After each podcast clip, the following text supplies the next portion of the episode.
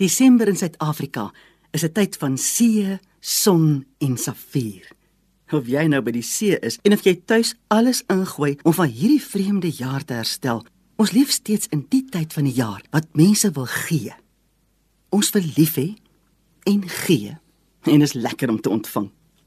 Maar wat wil ons ontvang? Wat is ons behoefte? Sou ons graag sekerheid verruil vir onseker?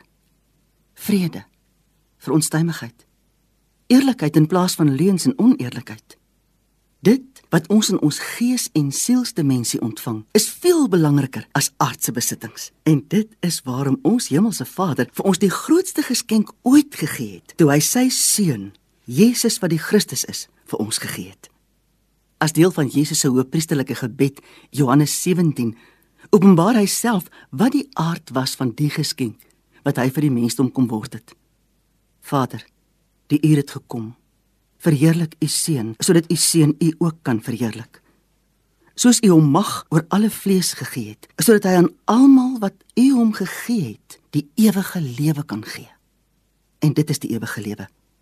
Dat hulle u ken, die enige waaragtige God en Jesus Christus wat u gestuur het. Besef ons watter ontsaglike groot geskenk die Vader ons gegee het toe hy Jesus sy seun vir ons gegee het. En hoekom het die Vader dit gedoen?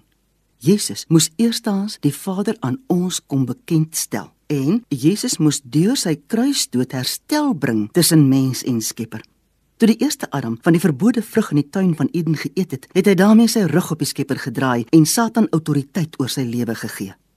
Die laaste Adam moes as lewendmakende gees kom om die gees van die mens te herstel tot nuwe lewe in die Vader.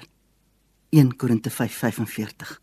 Elkeen wat glo dat Jesus dit vir jou gedoen het, ontvang ewige lewe in die Vader.